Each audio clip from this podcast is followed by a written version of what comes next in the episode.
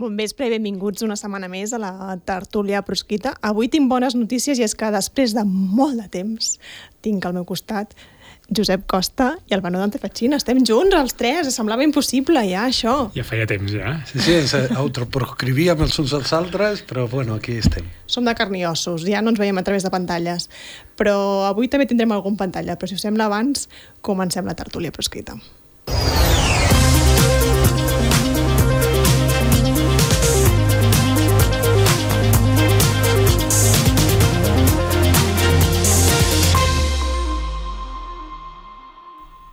I com deia tindrem algú en pantalla i és que avui hem volgut comptar una setmana més amb Ode Echearte ja que dissabte, eh, un dissabte que vam tenir molt mogut ja que tot feia preveure que Xavier Trias seria el batlle de l'Ajuntament de Barcelona. Finalment, a les 4 de la tarda, quan el ple havia de ser a les 5, tot va canviar amb un comunicat de comuns que anunciava que votarien a Jaume Collboni i que no entrarien al govern municipal i tot feia preveure que llavors eh, els populars també votarien a Jaume Collboni i seria finalment el batlle de Barcelona. Qui va viure tot això allà era Odei Echearte, hola Odei, i volíem connectar amb tu per saber una mica com es va viure això, perquè entenc que van haver-hi moltes cares llargues a, a, a, el dissabte a l'Ajuntament i que tot era molt... no se sabia ben bé què anava a passar, no? Sí, hi havia realment molta tensió. Uh, clar, jo diria que si fem una aposta, la majoria de periodistes ja anàvem al ple amb la convicció que qui seria alcalde era, era Jaume Collboni, no? perquè realment el, el comunicat dels comuns, com deies, a les 4 i un minut de la tarda, no? o gairebé una hora abans que, que comencés el ple, doncs ja feia preveure que, que seria alcalde perquè justament els comuns posaven en un comunicat les condicions que demanava el PP per també votar a Jaume Collboni, no? I, I finalment així va ser. El ple va començar una mica tard, hi havia molta tensió, realment eh, moltes cares llargues, molta... Bueno, suposo que intriga sobre el que, sobre el que anava a passar, però de seguida es va anar... Si hi havia algun dubte, eh, de seguida es va anar veient que no quan, quan Daniel Cirera va, va retirar la seva candidatura perquè no fos ja votada no? en, en, en la votació i, i era, era obvi que, que Collboni seria elegit quin ambient es respirava? Això dèiem males cares, però entenc que a Esquerra, Junts, hi havia una decepció pel que estava passant, hi havia... Mm, estaven enfadats, i a més a més crec que al Saló de Cent hi va haver més xivarri, més crits, més aplaudiments del que és normal en un acte institucional com aquest. Sí, era curiós perquè, clar, hem de pensar que en un acte com aquest hi havia molts familiars dels regidors i llavors, clar, en funció de les majories no, i del pes de cada, de cada grup, doncs hi havia més o menys representants i, i, i era, era curiós, no? perquè hi havia gent doncs, que sí que, que, va, que va, feia crits o més aplaudiments al conte. Eh, i sí que semblava com que hi havia una majoria d'Esquerra de, Junts a favor d'aquest pacte que es feia, almenys es feia sentir més, Eh, però, però pel que fa a Esquerra i Junts, sí, es veia, es, es notava malestar, evidentment, però també com una, una assumpció que això ja havia passat d'alguna manera, li va passar a Ernest Maragall fa, fa quatre anys, no? en aquella ocasió amb els vots de, de Manuel Valls, i una mica la sensació de que tornava a passar el mateix. No? I sobretot que el, el futur de l'Ajuntament de Barcelona es decidia a Madrid. O sigui, un alt dirigent de, de Junts comentava això no? abans de començar. Un altre cop, doncs, el futur de Barcelona s'està decidint a Madrid. I de seguida també es va veure molt clar com tots intentaven reaprofitar la situació per treure en rèdit electoral de cara a les pròximes espanyoles. No? De seguida tothom va com refer els discursos, les argumentacions per, per intentar que això el benefici a ell, cadascú a ell mateix, diguem a cada partit, de cara a les pròximes eleccions del 23 de juliol dèiem les cares que feien Esquerra i Junts, que, que no s'ho esperaven, diguéssim, però les cares que hi havien també per l'altra banda, no? diguéssim, dels comuns eh, i del Partit Popular, fins i tot dels socialistes, no hi havia molta, molta alegria per, per aquest acord, semblava, no? D'alguna manera, fins i tot crec que Xavier Trias deia, no, no, no us atreviu a mirar-me la cara, no? Eh, es respirava això? Sí, realment no hi havia gens d'alegria, eufòria encara menys, però és que ni tan sols satisfacció, perquè va ser, realment era, era molt estrany, perquè des del moment en què Comuns negaven que existís cap acord, això ja feia una, la situació com estranya, no? com si fos una triangulació uh, feta a través de Collboni, però no a tres bandes, no? I, i també el fet d'això de que Comuns neguessin haver participat en cap pacte. De fet, Ada Colau va dir m'han proposat una coalició secreta i l'hem refusat com dient, el que hem fet és, una, és prendre nosaltres mateixos la decisió de, de votar Collboni amb independència del que, del que fessin els altres i sobretot eh, jo entenc que sabent que coincidirien amb el PP a l'hora de votar doncs per part dels comuns era també passar un tràngol. Jo crec que ells consideraven que, evidentment, i així ho van justificar com un tràngol necessari, però sí que es, es respirava no, a, com haver de fer una cosa que en realitat que ningú se sentia còmode no, amb aquesta situació. Em refereixo, em refereixo als comuns. I el PP també, tot i que el PP Daniel Cirera ho va dir, ho va dir en la seva intervenció, eh, es vantava d'haver aconseguit el que ell volia, que era que els comuns no haguessin entrat a, al govern, cosa que quedava ratificada en el, en el comunicat i, per tant, jo crec que si en algun moment els comuns acaben entrant al govern, com, com tot apunta que serà, jo crec que Daniel Cirera sempre podrà dir els comuns van mentir perquè van dir una cosa i no han fet una altra, per tant, la culpa ja no serà seva, per dir-ho així, i ella es podia penjar la medalla davant de Feijóo amb Feijó també d'haver aconseguit que no hi hagués un, un ball independentista a l'Ajuntament de Barcelona i projectar una imatge potser més moderada del PP en un moment en què s'estan ordint pactes doncs, al País Valencià a les Illes, eh, doncs això, no? que un pacte en realitat amb, amb el PSC, amb, amb, el, amb el PSOE, amb els socialistes, no? com, com demostrant un sentit d'estat que, suposat sentit d'estat que al PP li convé en un moment com aquest. No? Doncs Rodai, moltes gràcies per fer-nos copsar una mica com es va viure aquest ambient aquest dissabte i nosaltres intentem ara reflexionar una mica i analitzar què, què va significar tot allò que va passar. Moltes gràcies. Gràcies a vosaltres, bona tertúlia. Adéu. Adéu. Gràcies. Doncs hi ha molts temes a comentar, no sé per on, on voleu començar. Josep, va va ser un dia que res, bueno, com a mínim mmm, no ens ho esperàvem els periodistes que passés. No sé si vosaltres us ho esperàveu que podia passar. Tal com havia anat l'última setmana, semblava que Xavier Trias seria el batlle. Bé, mm, clar, és, és eh, diguéssim, una vegada s'ha consumat, eh, la lògica és, diguéssim, bastant clara, no? És, és cau, cau pel seu propi pes, no? Els comuns assegurant la pagueta dels seus càrrecs, eh, el PP eh, traguent-ne un rèdit en, diguéssim, si més no com a cortina de fum dels seus pactes amb Vox, que aquell dia, diguéssim, eren molts i, i, i, i diguéssim, eh, per tota la geografia, i eh, el PSOE i Collboni assoleixen el seu triomf, no? Barcelona, que és bàsicament l'única alcaldia important que ha guanyat el PSOE en aquestes eleccions, perquè n'han perdut moltes, i um, l'independentisme tastant, diguéssim, una mica el, el, el fruit dels seus errors estratègics de tots aquests anys. I això um, crec que uh, és la reflexió que, que, que faltava fer o que els hi faltava fer a ells, a dir, escolti'm, um, realment us pensàveu que sense tenir majoria absoluta, perquè l'independentisme no té majoria absoluta a l'Ajuntament de Barcelona, el bloc del 155 us deixaria governar? Això només es podia imaginar des de la perspectiva de que s'han acabat els blocs i de que s'ha acabat el procés. Però és clar, és que el PP i el PSOE s'han entès en, el, en tota l'etapa del procés, en tot moment.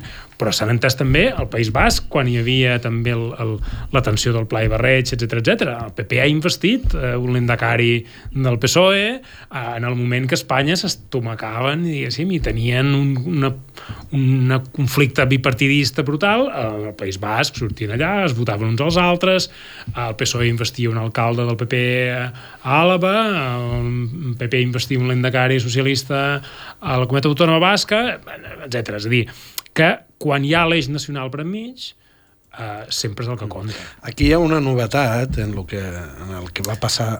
Ai, perdona. No, perdona, la novetat és que hi participen els comuns. Aquí està, aquí està. Durant, durant molts anys, i, i jo ho vaig viure, no? la, la dificultat que tenia un espai com els dels comuns, que jo crec que al principi de manera honesta clar, que he de dir jo, no?, que hi era allà, però vull dir, en els comuns i en aquest àmbit i en Podemos hi, hi havíem moltes persones, i érem allà, que creiem que es podia compatibilitzar no, el, diguéssim, un respecte absolut i un, i un compromís total amb el dret d'autodeterminació pues, potser amb un altre projecte d'intentar que Espanya, que no sé què, no sé quantes... Efectivament, això eh, ha estat impossible, va ser impossible, de fet molts amics, quan tot això va acabar saltant pels aires, Catalunya sí que es pot i tal, molts amics me deien, mira, t'ho havíem dit, jo sempre vaig pensar que s'havia de provar i que aquest espai també era una, una part del que passa a Catalunya, no? I, i, i, i t'hi va no? a una mm -hmm. part de la societat que, que molta va ser la que va defensar l'1 d'octubre a les urnes i que potser va acabar votant que no, però va, un, defensar les urnes i dos, votant i per tant acceptant el resultat en el cas de que tal. Per tant, allà hi havia un espai que jo crec que era molt interessant i que els comuns el que han fet ara és certificar jo no sé si aquell espai continua existint o no, potser molta gent... S'ha trencat, jo crec que no. No, no, l'espai, vull dir, a la societat, aquest espai de gent que mm, potser votaria que no, però que si, que si la majoria diu que sí, ho respecta i ho accepta, que creu que els catalans tenen dret a decidir el seu futur, etc etc. Independentment d'això, els comuns en aquesta maniobra han deixat totalment clar que són el 155. Recordeu que quan s'estava per aplicar el 155, el lema dels comuns era ni DUI ni 155. Bueno, és, no és cap novetat, però potser aquesta vegada ha estat la manera més gràfica de que entre, entre DU i 155, ells trien 155. I, i, I això és el que van fer. I acabo...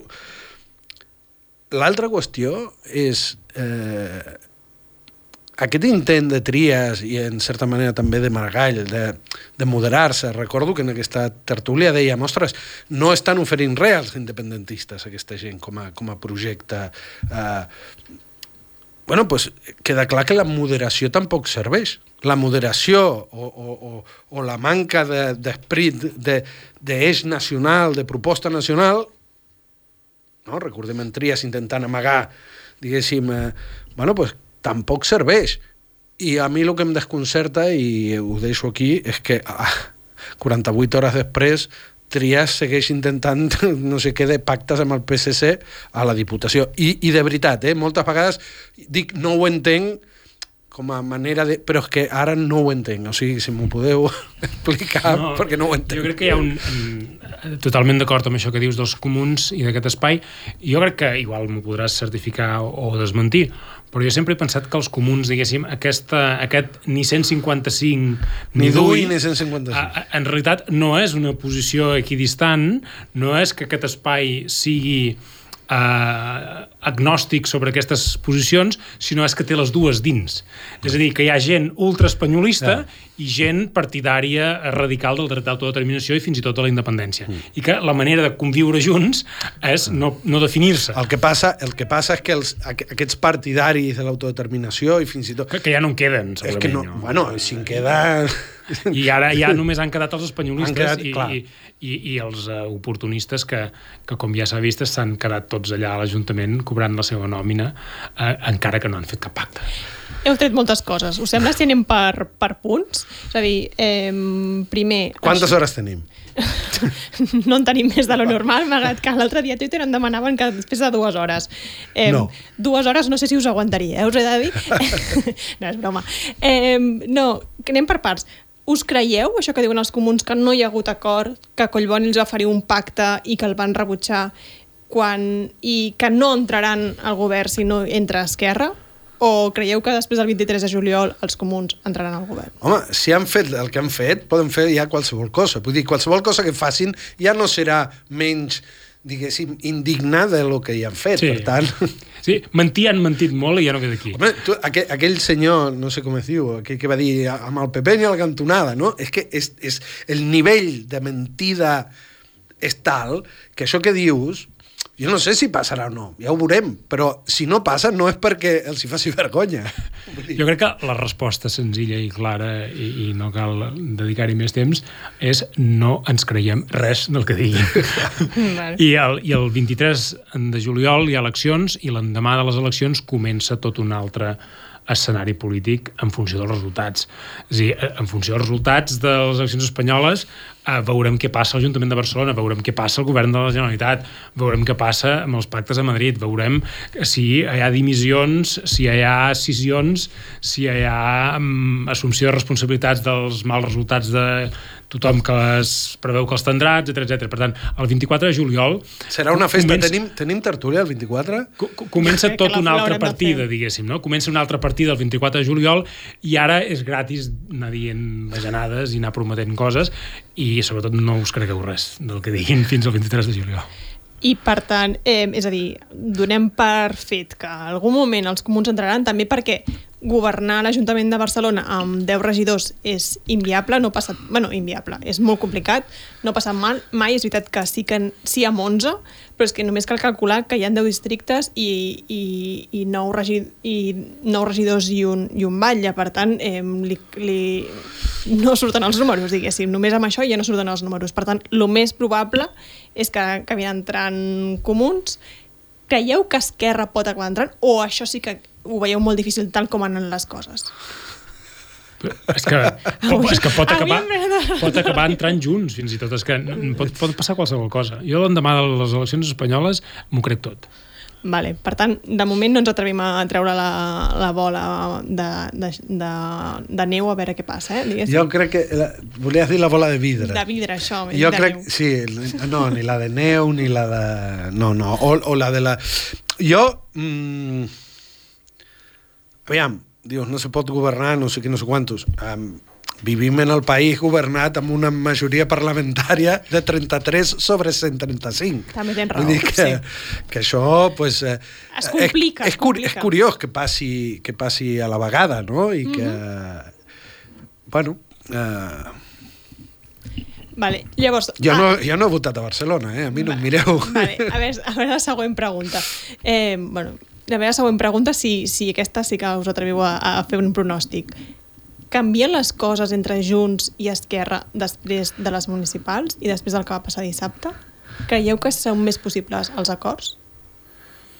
Jo crec que mm, per passar poden passar moltes coses. I jo, eh, si hagués us esteu mullant en res avui, eh? Bueno, ara, ara vaig a dir-ne una molt grossa, eh?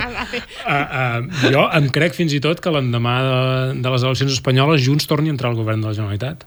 Uh, Mm, vull dir que per creure'm em crec moltes coses. Tot depèn de com vagin les eleccions i com vagin uh, uh, l'assumpció de responsabilitats pels mals resultats que molts tindran.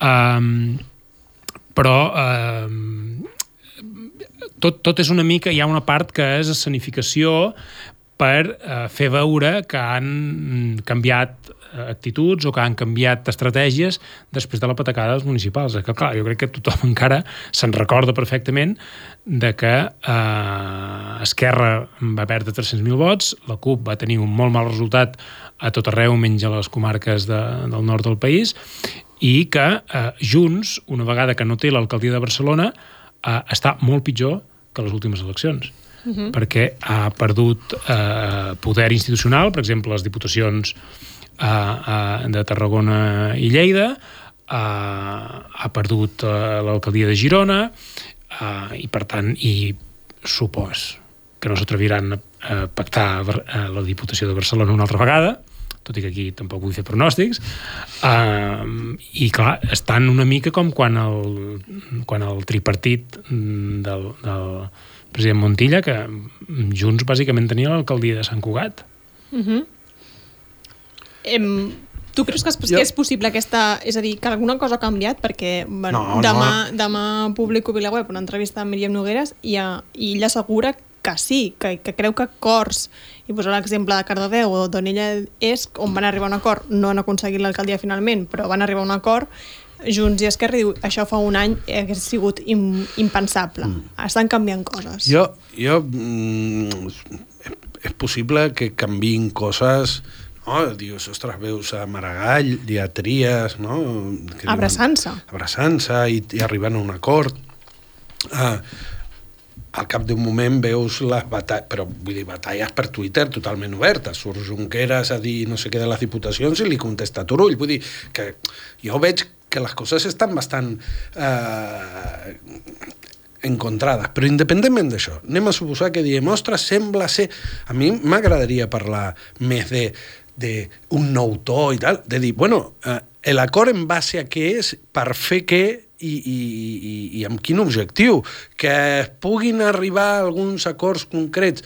Està molt bé i segurament pels partits que sempre estan patint per la seva capacitat de tenir poder institucional, doncs arribar a certs acords, perquè això sí que ho comparteixen i no ho dic, no ho dic eh, eh, diguéssim, des d'un punt de vista d'antipolítica, però els partits es mouen per unes lògiques eh, que no són 100% eh, les lògiques dels que estem mirant des de fora i que, per tant, oh, escolta'm, si tenen algun incentiu eh, partidista, i no ho dic, insisteixo, eh, pe pejorativament, però si tenen algun incentiu partidista, eh, i tant que arribaran a un acord.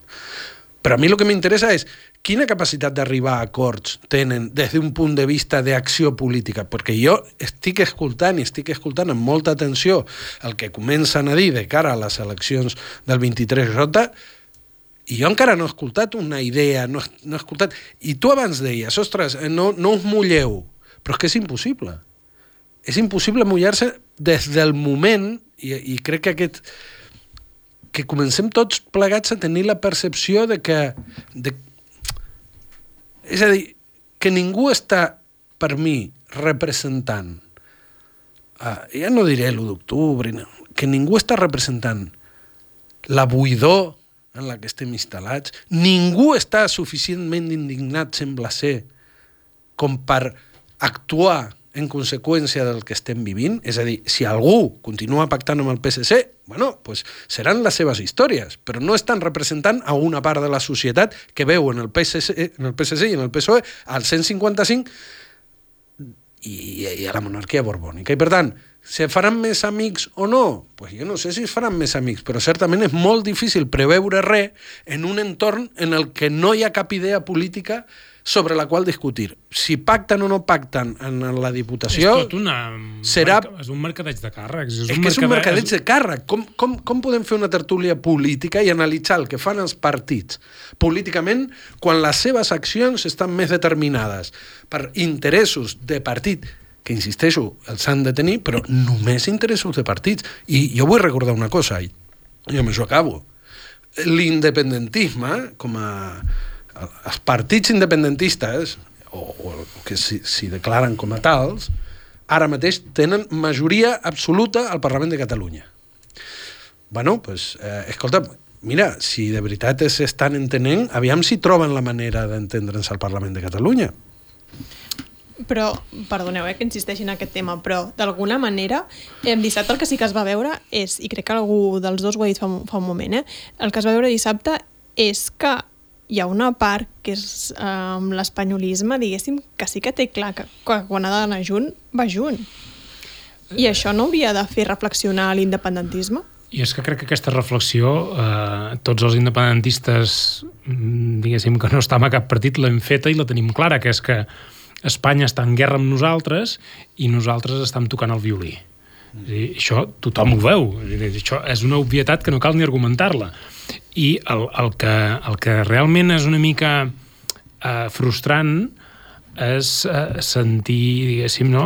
sents en, en Xavier Trias, eh, que és una persona honorable i que imposa respecte, diguéssim, per la seva trajectòria, per la manera com, com s'expressa políticament, eh, després del que li han fet, d'alguna manera fent escarafalls, explicant que ell representava una operació de pau enmig d'aquesta guerra.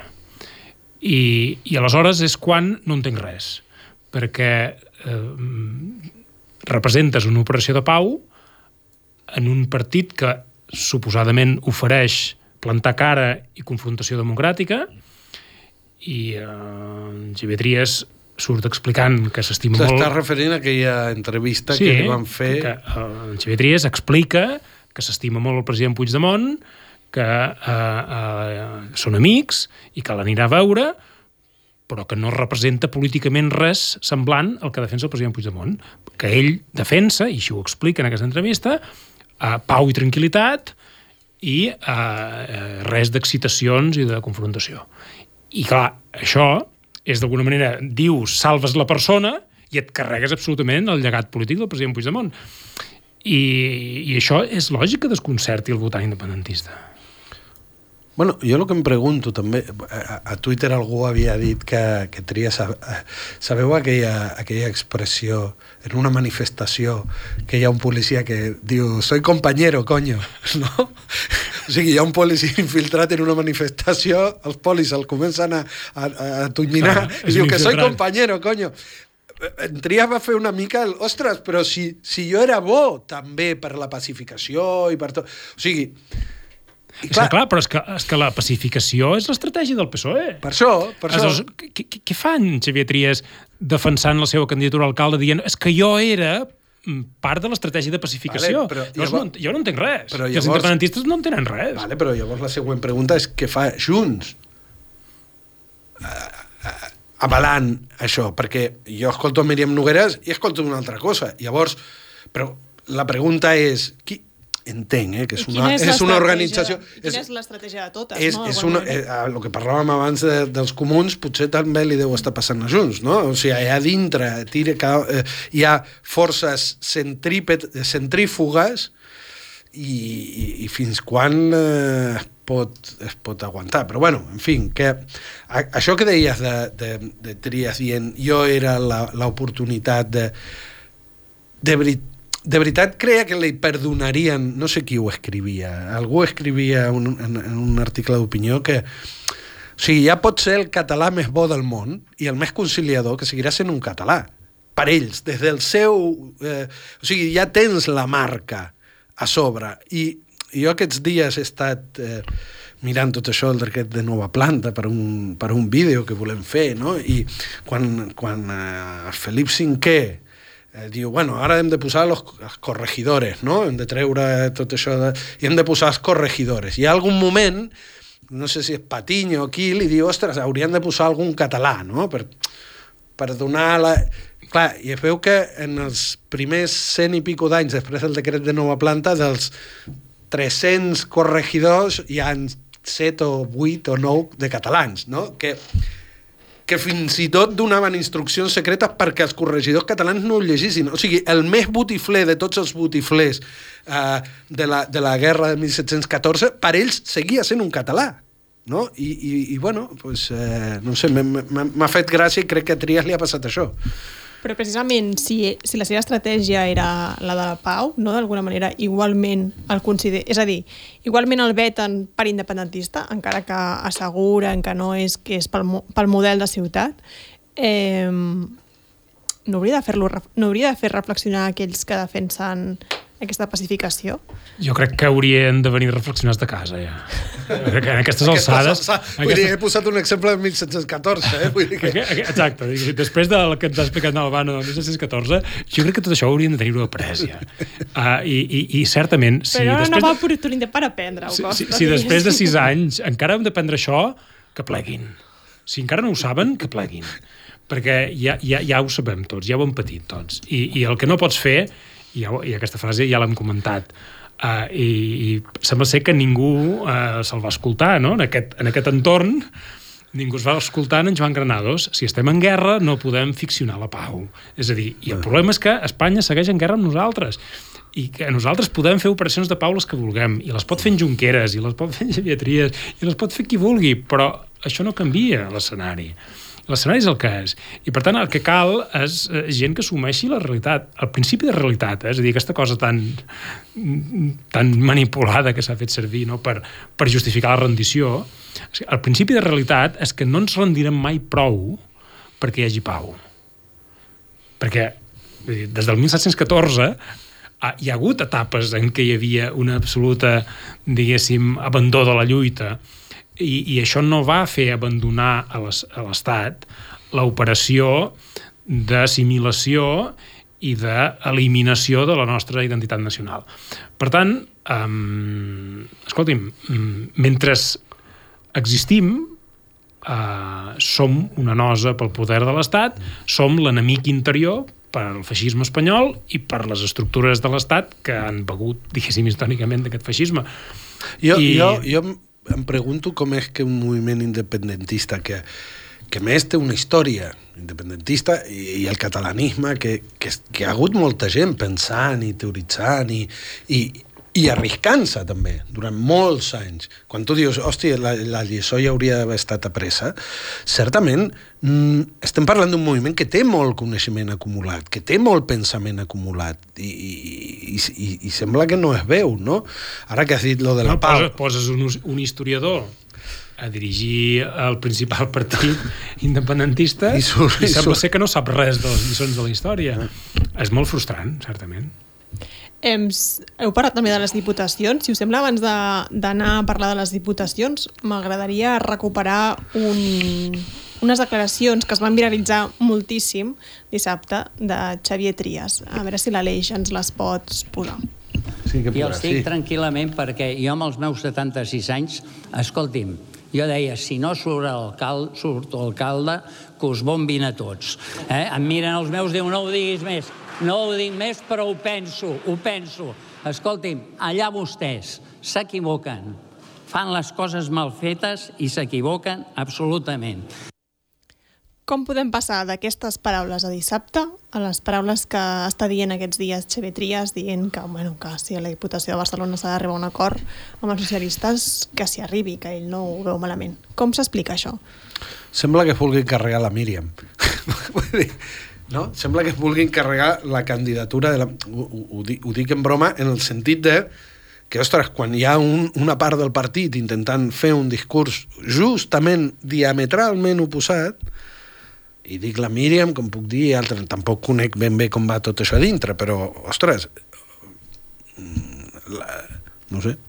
Jo, jo crec que, el, uh, com abans deia, diguéssim que en, en Xavier Trias és una persona um, que inspira respecte a nivell personal, aquí està sent, està sent molt sincer i està fent una reflexió estrictament personal. No és, aquest que us bombin a tots no és polític és personal, és simplement dir, miri, jo m'he fotut en aquest embolic, en els meus 76 anys no necessitava ficar-me en aquest embolic, m'hi he ficat per ajudar i per intentar aconseguir l'alcaldia, etc etc. No me n'he sortit, me n'en vaig a casa. Està dient això. No, no, no. Jo vaig sortir de la meva comoditat personal per intentar aconseguir un objectiu, no l'he assolit, doncs me'n vaig, i cap problema. Estava dient això, i, però, però crec que no és una reflexió política, és una reflexió més personal.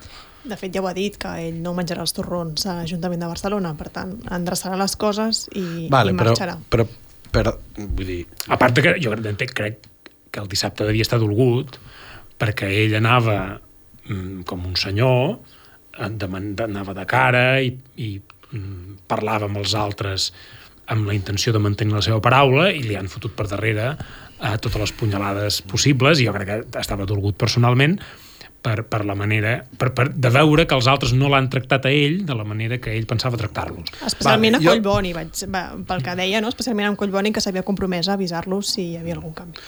Jo, jo entenc, i, i, i certament com a, com a artefacte comunicatiu, tu estàs mirant pues, un, un, una cerimònia d'investidura d'un ajuntament, que en teoria no és com l'espectacle més, més divertit del món, però de cop en tot això veus un senyor i dius, ostres, aquest senyor està parlant i això agrada, ens agrada veure que ja hi ha una realitat, i hi ha un enfadament sincer, i aquest senyor l'expressa bé i té aquesta d'allò i tal. Però jo insisteixo en que eh, el dia següent o 48 hores després, quan diu això de la Diputació de Barcelona... Eh, és que Xavier... aleshores parla de política. Clar, dir, però és que... Ja no, no fa una reflexió personal, clar, parla de política llavors, i de l'estratègia que defensa. Llavors, Xavier Trias el, el Xavier Trias indignat sap perfectament, 48 hores després, que això que està dient té una càrrega política, no és algo que se li ha escapat així de comentari, de... o sigui, que, que, que, que aquest senyor que, que, que arriba a connectar no? la, la seva indignació i tal, fins i tot si no la comparteixes el motiu, sí que comparteixes de veure un, un ésser humà enfadat. Clar, quan l'escoltes després dius, aquí, aquí s'està fent Xavier Trias és un polític que té molta experiència i quan diu, quan diu eh, la Núria Marín és molt maca, sap, sap perfectament que això té una càrrega important. Important, mira, que facin el que vulguin amb la Diputació, ja, vull dir, tant si fan una cosa com l'altra, no, però, però sí que, sí que em sobta, hòstia, haver-te anat a casa aquell dia, no? No se'n va, I llavors eh, no, no ho entenc, però bueno... Eh, jo crec que està defensant el que defensava l'Ajuntament de Barcelona. Clar, però si no li ha funcionat i, i molt tradolgut... Bueno, dir... perquè, perquè està dolgut personalment amb en Collboni, no està dolgut amb el... No, no, és a dir, no es veu qüestionat en la seva estratègia que era de pactar amb el PSC sinó que es, es, està dolgut amb que personalment li han fet una mala jugada. I ho justifica dient, home, na Núria Marín no, faria, no ens faria una jugada d'aquestes perquè mm, clar, la realitat és que eh, PSC eh, i Junts han governat 4 anys a la Diputació de Barcelona Junts Uh, Junts s'ha cindit, ha tingut crisis internes, ha canviat de presidents, de secretaris generals i en quatre anys no hi ha hagut ni una sola crisi de govern a l'Ajuntament de la, perdó, a l'equip de govern de la Diputació de Barcelona. Ha estat el, un pacte exquisidament, diguéssim, eh, cohesionat, eh, funcional, amb tot el que ha plogut al seu voltant, el, el pacte de la Diputació de Barcelona, ha estat a prova de bombes durant aquests quatre anys. Per tant, és lògic que en Xavier Trias digui escolti'm, si amb aquests són de fiar, ens hi entenem perfectament. Potser, eh, i és una cosa que no s'ha fet, perquè es parla dels pactes de la Diputació, perquè Esquerra i Junts els tiren pel cap constantment, potser haurem de fer, no sé, no? Un, un debat sobre les diputacions, sobre el poder que tenen... Eh, o sigui, normalment diem, mira, es reparteixen els càrrecs, i és veritat que ja hi ha càrrecs a repartir, però vull dir, veus, autent... vull dir, és una espècie com del... És, és com un senat espanyol, però allà, no? Uh, però més enllà dels càrrecs... Eh? Pels eventuals. Els eventuals i tal. Però és només això el que ho explica, perquè també és un lloc de poder on es reparteix molt diner. Eh, Mm... Hi ha molt diner discrecional, és a dir... Aquí està, el, el, el, el meu ajuntament, el meu... Els diners de la Conselleria de Salut o de la Conselleria d'Educació ja. estan tots gastats abans de començar l'any. És personal, són infraestructures, etc etc. Els diners de les diputacions són una repartidora que, en funció del color polític, en funció dels pactes que tu tens, pots repartir discrecionalment. Però no només eh, sous, sinó eh, Càrrecs, inversions... inversions eh, bueno, sí, sí. pues s'haurà d'obrir el, el, el meló eh, de, de parlar-ne. De parlar, bueno, de, de fer-les més conegudes, perquè ara, ara perquè està passant això, però les diputacions i els consells comarcals, si sortim ara al carrer a preguntar i no dic, no dic això que deia Ciudadanos de los chiringuitos i tal, jo vull dir, al Montseny, el Consell Comarcal i la Diputació fan moltes coses per, pel Parc Natural, és a dir, ara anem-ho a mirar, eh? perquè certament potser són unes estructures administratives eh, que han de ser repensades. Són els no, grans desconeguts. Amb, amb tot el que hem parlat durant aquests quatre anys de la Diputació de Barcelona i dels pactes de la Diputació de Barcelona, en aquest país eh, el 99,99% ,99 de la població és incapaç de dir una sola mesura política o una sola votació que s'hagi produït en el ple de Barcelona que hagi tingut debat públic o que hagi estat controvertit, diguéssim. Ningú sap res del que ha fet en aquests quatre anys la Diputació de Barcelona doncs mira, podríem... a nivell polític. 100% cert. Eh... Ah, Digues, digues. No, no, és que tenia aquí coses apuntades als comuns i hem passat pels comuns i no les he dit. Vale, vale. Però vale. no, no, què fem? Què fem? Me deixes un minut? No, no, són coses que jo crec que la gent que escolta aquesta tertúlia ja les sap, però les coses que sabem les hem de dir i tal.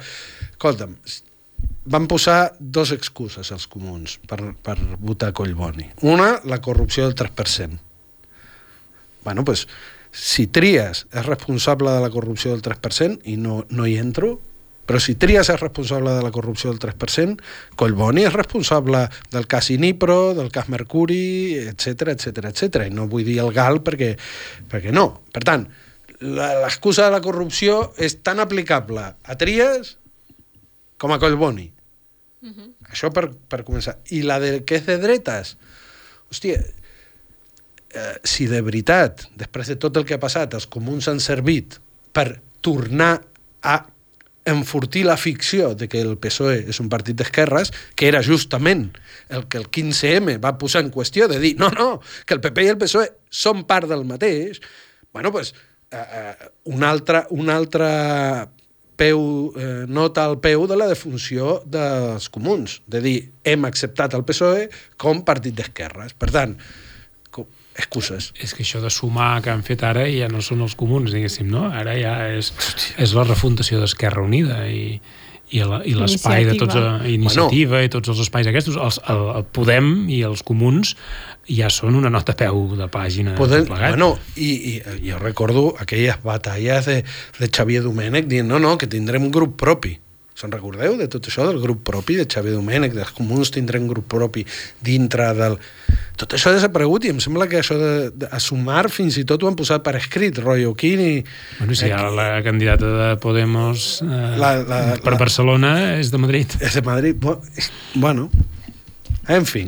Sí, sí, crec que no tindrà ningú propi partits com Compromís, que, que és molt difícil per les... mm, pel que han signat, que crec recordar que era que, que han han de tenir fins a, fins a 5 eh, per tenir grup propi din, di, per tenir grup propi, per tant és bastant inviable que eh, més compromís, etc puguin arribar a tenir grup propi. Clar, la, la, la qüestió és aqu aquest fagocitament de la, de, de l'esquerra, i que a cada lloc, a Galícia, a, al País Valencià, aquí eh, té unes variables diferents, però aquest fagocitament que sembla ser que és anem tots junts cap al precipici, A Galícia, Això- a Galícia el BNG no ho ha comprat, eh? Ja va fracassar una vegada bueno, i no ho ha comprat bueno, aquesta.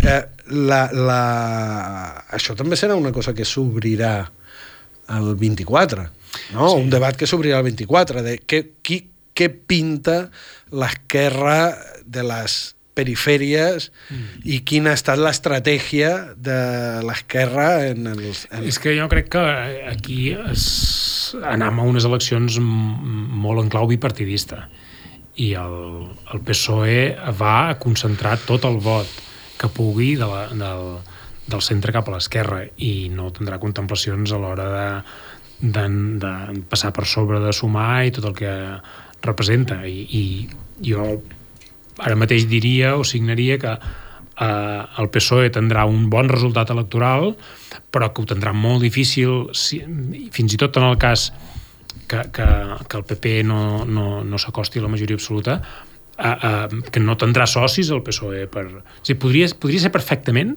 que el PSOE tingués més diputats dels que té ara, però no pugui formar Ja. govern perquè s'ha Bueno, perquè, a tots els perquè socis. aquests diputats els treu dels socis que ah. necessitava per governar. Els restarà de Podemos, els restarà d'Esquerra Republicana, els restarà de tots els socis de, de, la, de la investidura. Bueno, la campanya de Gabriel Rufián sembla una campanya del PSOE.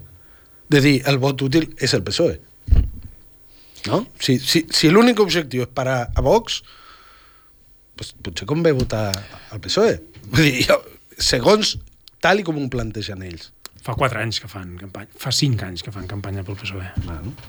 Veig que vosaltres mateixos ja heu canviat el tema, eh? ja parlem de, del 23 de juliol, del 24 esteu parlant vosaltres, i, aquesta, i això és el que volia parlar en el següent tema, ja que aquesta setmana Gabriel Rufián eh, parlava de que s'ha de posar un preu a aquest possible acord amb els socialistes per la governança, no? i que aquesta vegada defensa que s'ha de fer un acord eh, pactant els tres partits independentistes a quin preu a quin preu li posen a, a tot plegat.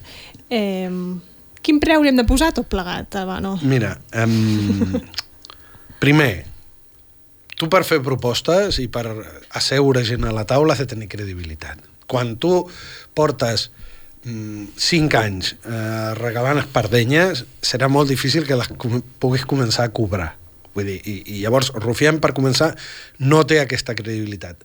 No sé si hi ha algú a Esquerra Republicana que tingui aquesta credibilitat de dir, senyors, seiem i pactem un preu, perquè sabem que has, has estat incapaç de, de posar un preu. No, ni baix ni alt, cap preu.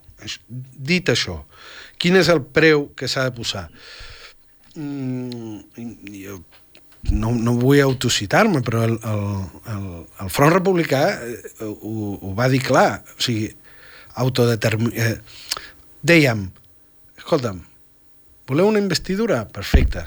Eh, primer, si voleu, eh, convoqueu amb data i hora que agafi Pedro Sánchez l'avió, que se'n vagi a la ONU i anunci el referèndum vinculant, que digui quin dia, quina hora, que torni i després li votem. No? I la gent deia, home, això no passarà, que... Vale, perfecte. Pues, llavors són ells els que trien a Vox. És el que està dient ara la CUP. No? Vale, jo vaig sentir, aprofito perquè vaig sentir una entrevista que li van fer a la Mireia Veí, uh -huh. a, a la Gemma Nierga, i li, li feia aquesta pregunta, és a dir, quin preu i fins a on esteu disposats a arribar per una possible investidura a Pedro Sánchez. Certament, a la Mireia Vall no se li entenia ben bé res de lo que deia, i sí que és veritat que després Albert Botran, crec que va ser ahir, uh -huh. va sortir a dir una cosa semblant a aquesta del Front Republicà, de dir, és que l'únic preu, l'únic preu acceptable és, és el que ja va dir la gent l'1 d'octubre. Escolta, decidim nosaltres i només nosaltres. I te dic més, és que els drets no tenen preu. No? Per tant, quan, quan, quan eh, i diu escolta, això ha de ser així i si no que s'oblidin de nosaltres, crec que és l'únic preu. Ara, això Rufián no ho farà eh, i, i caldrà veure què diu la CUP, eh, perdó, eh, Junts, però jo crec que és que s'ha perdut molta credibilitat i em sembla mm. que Pedro Sánchez quan, quan, quan li parlen de preu deu dir... Pff, Sí, tinc, jo crec, tinc per comprar aquí... Jo crec que el, el, el context és diferent, eh? és dir, fins i tot és molt diferent el context polític actual del que era fa 4 anys, amb el Front Republicà, etc etc. Jo, eh, eh, fa 4 anys, el discurs del Front Republicà em semblava eh, raonable, diguéssim, em semblava que tenia sentit. El mateix discurs, 4 anys després, en el context actual, no té cap sentit. És a dir, un discurs que podia tenir sentit en aquell context, en què teníem presos polítics, en què teníem eh, un poble mobilitzat, que teníem, a veure, clar, les últimes eleccions eh, eh, espanyoles es varen produir en el context d'Urquinaona. És a dir, recordem les coses, i per, per tant, estem a les antípodes d'on érem fa quatre anys, quan hi havia les eleccions. Um, per tant, allà podies pensar Bueno, podies tenir una, una credibilitat i una força. Podies fer uns plantejaments que ara no els pots fer perquè no tenen cap credibilitat ni cap força. I m'ha agradat aquesta, eh, aquesta manera d'expressar el que dius, que si tu portes regalant espardenyes 4 anys, ningú te'ls pagarà. Um, jo crec que en aquestes eleccions, si algú es vol presentar uh, a Madrid uh, i, i vol que els independentistes uh, diguéssim més compromesos eh, puguin plantejar-se votar-los, haurien de fer un exercici d'honestedat eh, i de dir la veritat. Eh, quin preu té la investidura d'en Pedro Sánchez? No hi ha cap preu que ells estiguin disposats a pagar que sigui acceptable per nosaltres. Això és el que s'ha d'explicar. O sigui, no hi ha cap preu possible per la investidura d'en Pedro Sánchez. Perquè, lògicament, evidentment, abans pactaran amb el PP com per cert amb, ja varen amb... fer el 2016. Escolta'm, perquè, i amb clar, Vox també pactaran. I amb Vox, però és que algú ha oblidat que el govern que va posar el 155 va dissoldre el Parlament de Catalunya, va enviar a la presó al govern de Catalunya, que aquest govern es va investir amb els vots del PSOE. Això ho ha oblidat la gent. Per tant, com que el govern que va aplicar el 155 s'havia investit amb els vots del PSOE i eh, el 155 es va aplicar amb els vots del PSOE, um, sabem amb certesa i amb seguretat que no hi ha cap preu mínimament acceptable, acceptable per, nosaltres. per nosaltres que ells estiguin remotament disposats a pagar. Per tant, aquest debat simplement és fictici o és trampós. Llavors, llavors pregunt, de, deixa'm... Mm -hmm. Llavors, els que, què vols dir? Que no caldria presentar-se o que caldria presentar-se però dient que, que, que ens presentem, jo què sé, per tenir 5 minuts al Telenotícies o, o per tenir uns recursos per fer política aquí? Quin, poden, quina seria explicar la, la veritat? Coses, sí, sí. Explicar la veritat és dir que no hi ha cap escenari no hi ha cap escenari en què un grup independentista puguis justificar donar suport a un govern espanyol. Uh, I punt. I que no es donaran mai les circumstàncies post-1 d'octubre perquè un partit independentista eh, investeixi un govern espanyol. Um, I que si algú... Escolti'm, si, si les circumstàncies canvien, haurien de ser ells que ho diguessin. Uh, però bueno, hi ha, hi ha des, del, des de la via irlandesa, diguéssim, hi ha molts uh, eh, escenaris en què es pot fer política i et pots presentar a les eleccions espanyoles. No és necessari regalar els escons als partits espanyols, eh, perquè, és a dir, que, que tu no hi siguis els hi facilita les coses.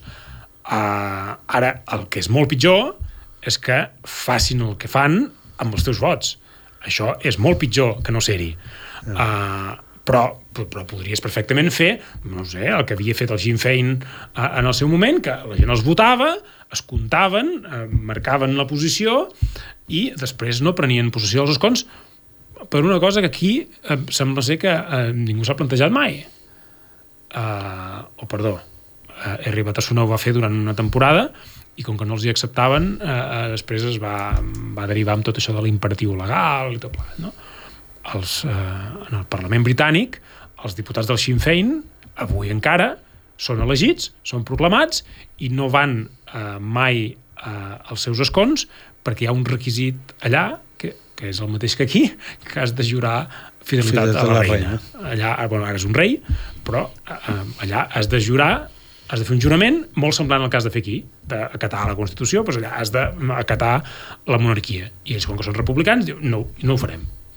I com que no els hi deixen fer sense fer-ho, en comptes de fer-ho per imperatiu legal, que és la fórmula que s'ha va inventar Batasuna i, i que tothom ha assumit després, en comptes de fer imperatiu, per imperatiu legal a jurar fidelitat al rei i a la monarquia i a la Constitució, no ho fas i et quedes sense escó, et quedes fora, et quedes fora del Parlament.